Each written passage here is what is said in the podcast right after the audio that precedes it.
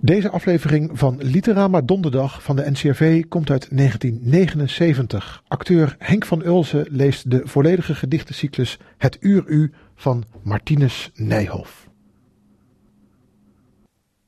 Het was zomerdag. De doodstille straat lag te blakeren in de zon. Een man kwam de hoek om.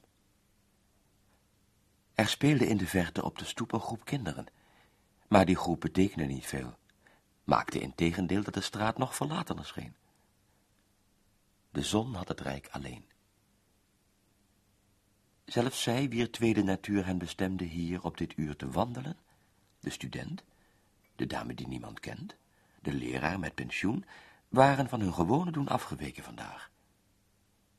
Men miste, miste hen vaag. Sterker, de werkman, die nog tot een uur of drie voor bomen in het middenpad de kuilen gegraven had, had zijn schop laten staan en was elders heen gegaan. Maar vreemder, ja inderdaad veel vreemder dan dat de straat leeg was, was het feit der volstrekte geluidloosheid. En dat de stap van de man, die zojuist de hoek omkwam, de stilte liet als zij was. Ja, dat zijn gestrekte pas naarmate hij verder liep, steeds dieper stilte schiep. Geen dief overtrof, geen spion, hetgeen hij moeiteloos kon. En het gevederd leder waarop de god Hermes van zijn bergtop neer te dalen placht, doorkruiste het ruim niet zo zacht als hij op straat kon gaan. Gewoon lopend, met schoenen aan. Hij maakte op het trottoir het onheilspellende, maar onhoorbare gerucht van het hoog in de lucht verschoten vliegerbericht. In een wolkje ploft licht tot een blinkende ster uiteen. En langs heel de vuurlinie heen weet men, dit meldt het uur u. Nu gaat het beginnen. Nu verdwijnt de onzekerheid van de mij gegunde tijd. Nu is het voor alles te laat. De stilte die dan ontstaat, is een stilte niet slechts naar de vorm, een stilte voor de storm, maar een stilte van het soort waar dingen in worden gehoord die nog nimmer het overnam. Zo ook hier. Toen de man kwam en met zijn gestrekte pas voortliep, begon men het gas in de buizen onder het huis te horen. En het gesuis van water onder de straat. En in de elektrische draad naar radio en telefoon een vonkende zoemertoon, als waren er bijen in de buurt. Er werd niet gegluurd. Gewoonlijk, als iemand passeert, is men geïnteresseerd. Men vouwt met voorzichtige hand vitrages terzijde, want elke voorbijganger is min of meer een gebeurtenis. Was er niets te zien aan hem? Kwam het misschien doordat iedereen sliep, of doordat hij zo zacht liep dat geen vitrage bewoog? Nee, nee, elk raam was oog. Pas toegeschoven lid voor het oog van een uil die zit te spieden op zijn tak. De stilte, die niets verbrak, ging trillen en werd muziek. Het is een groot woord, paniek, maar het tekent de stille schrik die op dit ogenblik de ledige straat beving. Een traag wolkje, als een eilandje in de heldere hemel ontplooit, beduidde het nu of nooit op handen zijnd offensief. Al wie zijn kijker ophief, zag op de zee van azuur een slagschip, klaar voor vuur. Was het vriend of vijand? Niet uit te maken, want het schip voerde geen vlag. Zoals ook de man die men zag het minste niet droeg dat een man van een man onderscheiden kan. En ook de muziek zong door, met een groot onzichtbaar koor.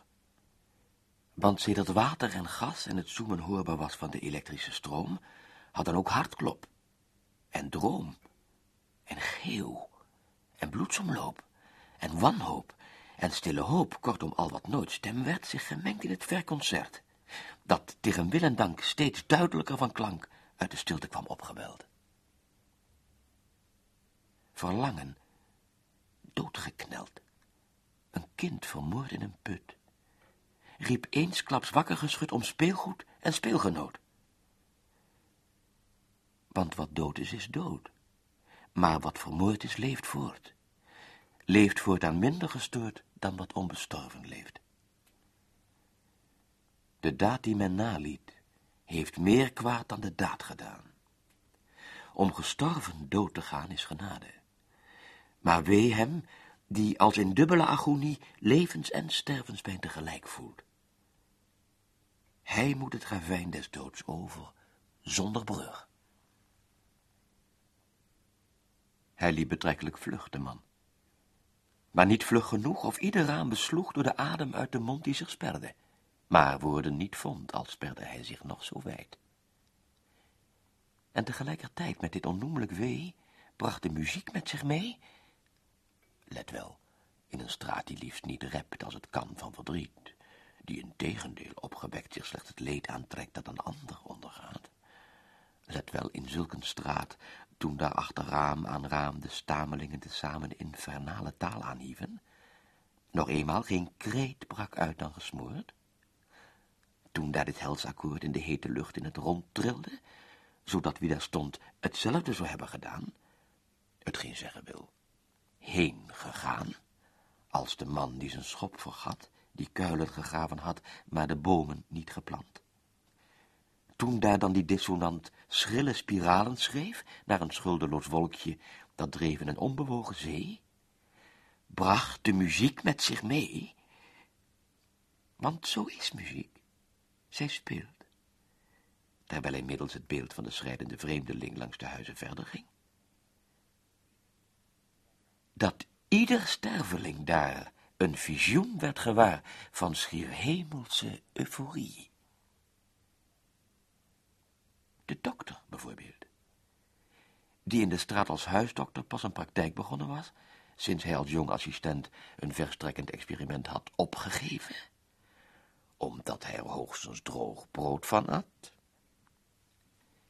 Hem bracht de wilde muziek terug in een stille kliniek. Hij zag zichzelf daar staan, witte jas, rubberhandschoenen aan. In een kast langs de muur spraken dingen van glazuur, emaai, glas en metaal, een tintelende taal van een achter alle kwaad verrijzende dageraad. De rechter zag zich staan zonder ambtsgewaad aan.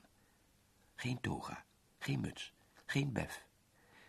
Niet dan uit rechtsbesef, en met geheven hand, deed hij zijn eedgestand. In naam der gerechtigheid schold hij de zonde kwijt. En had eigen schuld bekend.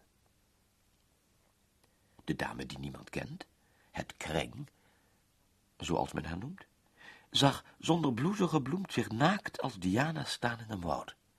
Een hert kwam aan. En toen zij zag hoe hij knielde, knielde ook zij. Haar hand beefde. Haar oog blonk, nu zij levend water dronk. Zo zag iedereen wat.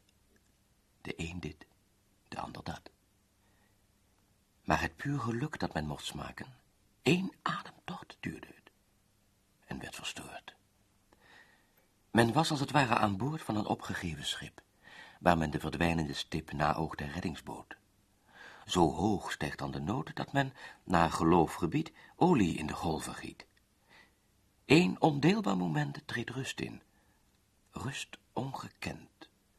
Het schip ligt roerloos recht, maar reeds rolt over de plecht een zware golf, olie vermengd. En hetgeen voor de zee was bestemd, komt in het vuur, ontploft, en het wrak vol bezoeteld zeewater zakt als een baggergevulde praam.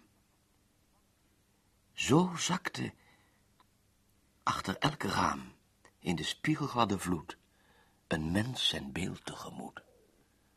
Zijn eigen ontredderd beeld. O, die olie verspeeld was geenszins verspild geweest. Eén ogenblik had de geest in verre gezichten gedwaald en was door het oog van een naald als de kemel binnengegaan. In welk land kwam hij aan? Op aarde, in eigen land. Gelijk een maan was de hand die over het voorhoofd gleed en door een dauw van zweet zich langzaam voortbewoog. En ook het starend oog dat wijd open bleef staan, het deed meer aan een maan denken dan aan een zon. Maar weldra, uit dooiende bron, ontsprong, sprongsgewijs, het bloed, en reeds spoelde op die vloed, zoals na onweer een boom de rivier afdrijft, de droom met wat hij aanrichtte uit zicht. Men ademde als verlicht het amen na van een preek. De geest, toen hij nederstreek uit het ledige zwerk en thuis kwam onder de zerk van vast werk en dagelijks brood, was dankbaar dat deze dood hem bevrijdde van ruimtevrees. Hij was, terug in het vlees, moe. Weliswaar zeer moe, maar was plat gezegd blij toe met dit vlees, zo zwak het was. Geen zo groot tekort in kast dat niet geschoven kon op die gebrekkige compagnon die het lot hem beschoren had. Maar kijk, die metgezel zat alweer aan het schrijfbureau te zwoegen. En wel zo dat de geest beschaamd neerziend naar die trouwe arbeidzame vriend, niet aan een lastige traan verdrijvend, tot hem dorst gaan. Deze echter, uit stil verweer, legde de pen zelfs niet neer, schoof geen stoel bij, keek niet op. Er zat voor de geest niets op dan dat hij weer ontsteeg naar zijn ballingsoord, blauw en leeg tussen aarde en zon. Even keek de compagnon de gewillige na op zijn vlucht, peinsde, zag in de lucht een wolkje. En zag dat er ging nog steeds die vreemdeling, nog steeds die man door de straat. Maar, naar zich horen laat, want langzaam kwam men bij uit de diepe mijmerij en de man liep betrekkelijk vlug, men zag hem nu op de rug. Men had hem niet bepaald feestelijk ingehaald. Daar was ook geen reden voor. Maar gelukkig liep hij door. En toen de waarschijnlijkheid dat men hem weldra kwijt en voorgoed kwijt zou zijn, bij elke stap terrein en aan waarschijnlijkheid won, gaf heel de straat, kortom ieder en iedereen, met uitzondering van één, en wie aandachtig las weet dat het de rechter was, gaf, behalve de rechter dan, geheel de stratenman zit verbovenia het heilig kruis achterna. Maar voor de zoveelste keer prees men de dag al eer de avond was gedaald. Men heeft leergeld betaald. De man was de straat nog niet uit. Plat tegen de vensterruit, met het vitragenet bloedrood in het voorhoofd geplet, kon men hem nog zien gaan. Toen heeft zich iets voorgedaan dat alle beschrijving tart. De schrik sloeg de straat op het hart. Kokend van woede, doodsbleek, de vuisten gebald, bekeek men het ontzettende dat beneden voortgang had. De man had de kleine groep kinderen die op de stoep aan het spelen waren, bereikt. Het is vaak niet wat het lijkt, hun spel. Soms staan ze maar en praten wat met elkaar. De woorden zelf zijn plezier. Dat van dit groepje van vier er één een meisje was, men ontdekte het pas wanneer het oog erop viel dat haar witte matrozenkiel naar onder overliep tot een plooirokje. Als bij een schot. Een der jongens stond met zijn voet op een autopet waarvan hij aantoonde dat het richtingaanwijzers had. Daar wordt het geen auto door, zei de grootste in een plus voor. Van auto's gesproken, hè? zei hij er medelijdend bij. Hebben jullie er geen? Het meisje zwaaide haar been over het nikkelen stuur. Alles aan haar was natuur. Het neusje iets opgewipt, het haar als een jongen geknipt, te argeloos nog voor fatsoen. Dat kan je bij de onze niet doen, zei ze, en zwaaide het terug met zijn handen op zijn rug. Waar kon hij ze hebben gedaan met niets dan een badpakje aan? riep de kleinste, belt die bel? De bel belde. En hij, zie je wel, bellen doen auto's niet. De bezitter, inmiddels, liet met strak geworden gezicht al door de vleugeltjes dicht en klappend openslaan. Een wonder is niet te weerstaan. Niemand meer die iets zei. Toen kwam de man voorbij. Nu is er een zeker spel, door kinderen eh, heb ik het wel schaduwlopen gedoopt. Er loopt een man en men loopt op zijn schaduw trappend mee. Gewoonlijk doet men twee passen tegen hij één. Het ging door merg en been. Het was hartverscheurend. De groep in een rijtje over de stoep achter de vreemdeling aanhuppelend mee te zien gaan. Het sneed, sneed door de ziel. Plusfor en matrozenkiel dansten als een jong paar arm in arm naast elkaar, houdende aan weerskant de twee anderen aan de hand. De matroos hielp het badpakje dat een schoentje verloren had en straks het tweede verloor, terwijl naast de plusfor voortholde de eigenaar van de haaster langs het trottoir neergezette autopet. Tijd. Meer dan tijd werd het, dat dit een einde nam. Uit alle huizen kwam het driftige geluid van tikken tegen de ruit.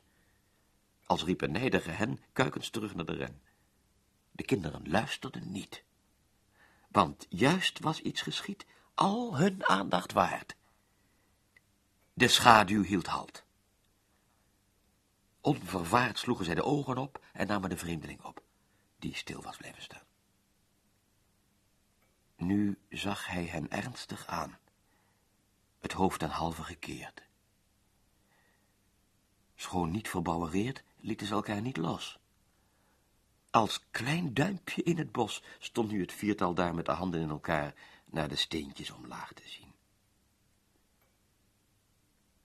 Het duurde een minuut misschien, maar die een eeuwigheid was. Toen deed de man een pas. Met zijn vreemde, gestrekte gang zag men, dit duurde niet lang, hem spoedig de hoek omslaan. Terstond ging ieder raam wijd open. En wel zo wijd als maar mogelijk was. Het was tijd. Want wat ontwaarde men daar? De tafel stond klaar. Waar was dat aan te zien? Aan de dampende soepterrien midden op tafel geplaatst en aan de bordjes waarnaast het zilverlepeltje lag. Door open voordeuren zag men moeders naar buiten gaan, roepend een kindernaam en klappende in de hand. Er kwam van andere kant nog een klappend gerucht. Het kwam van hoog uit de lucht. Het waren de mus, de spreeuw, de merelweer en de meeuw. Ze streken neer uit de goot.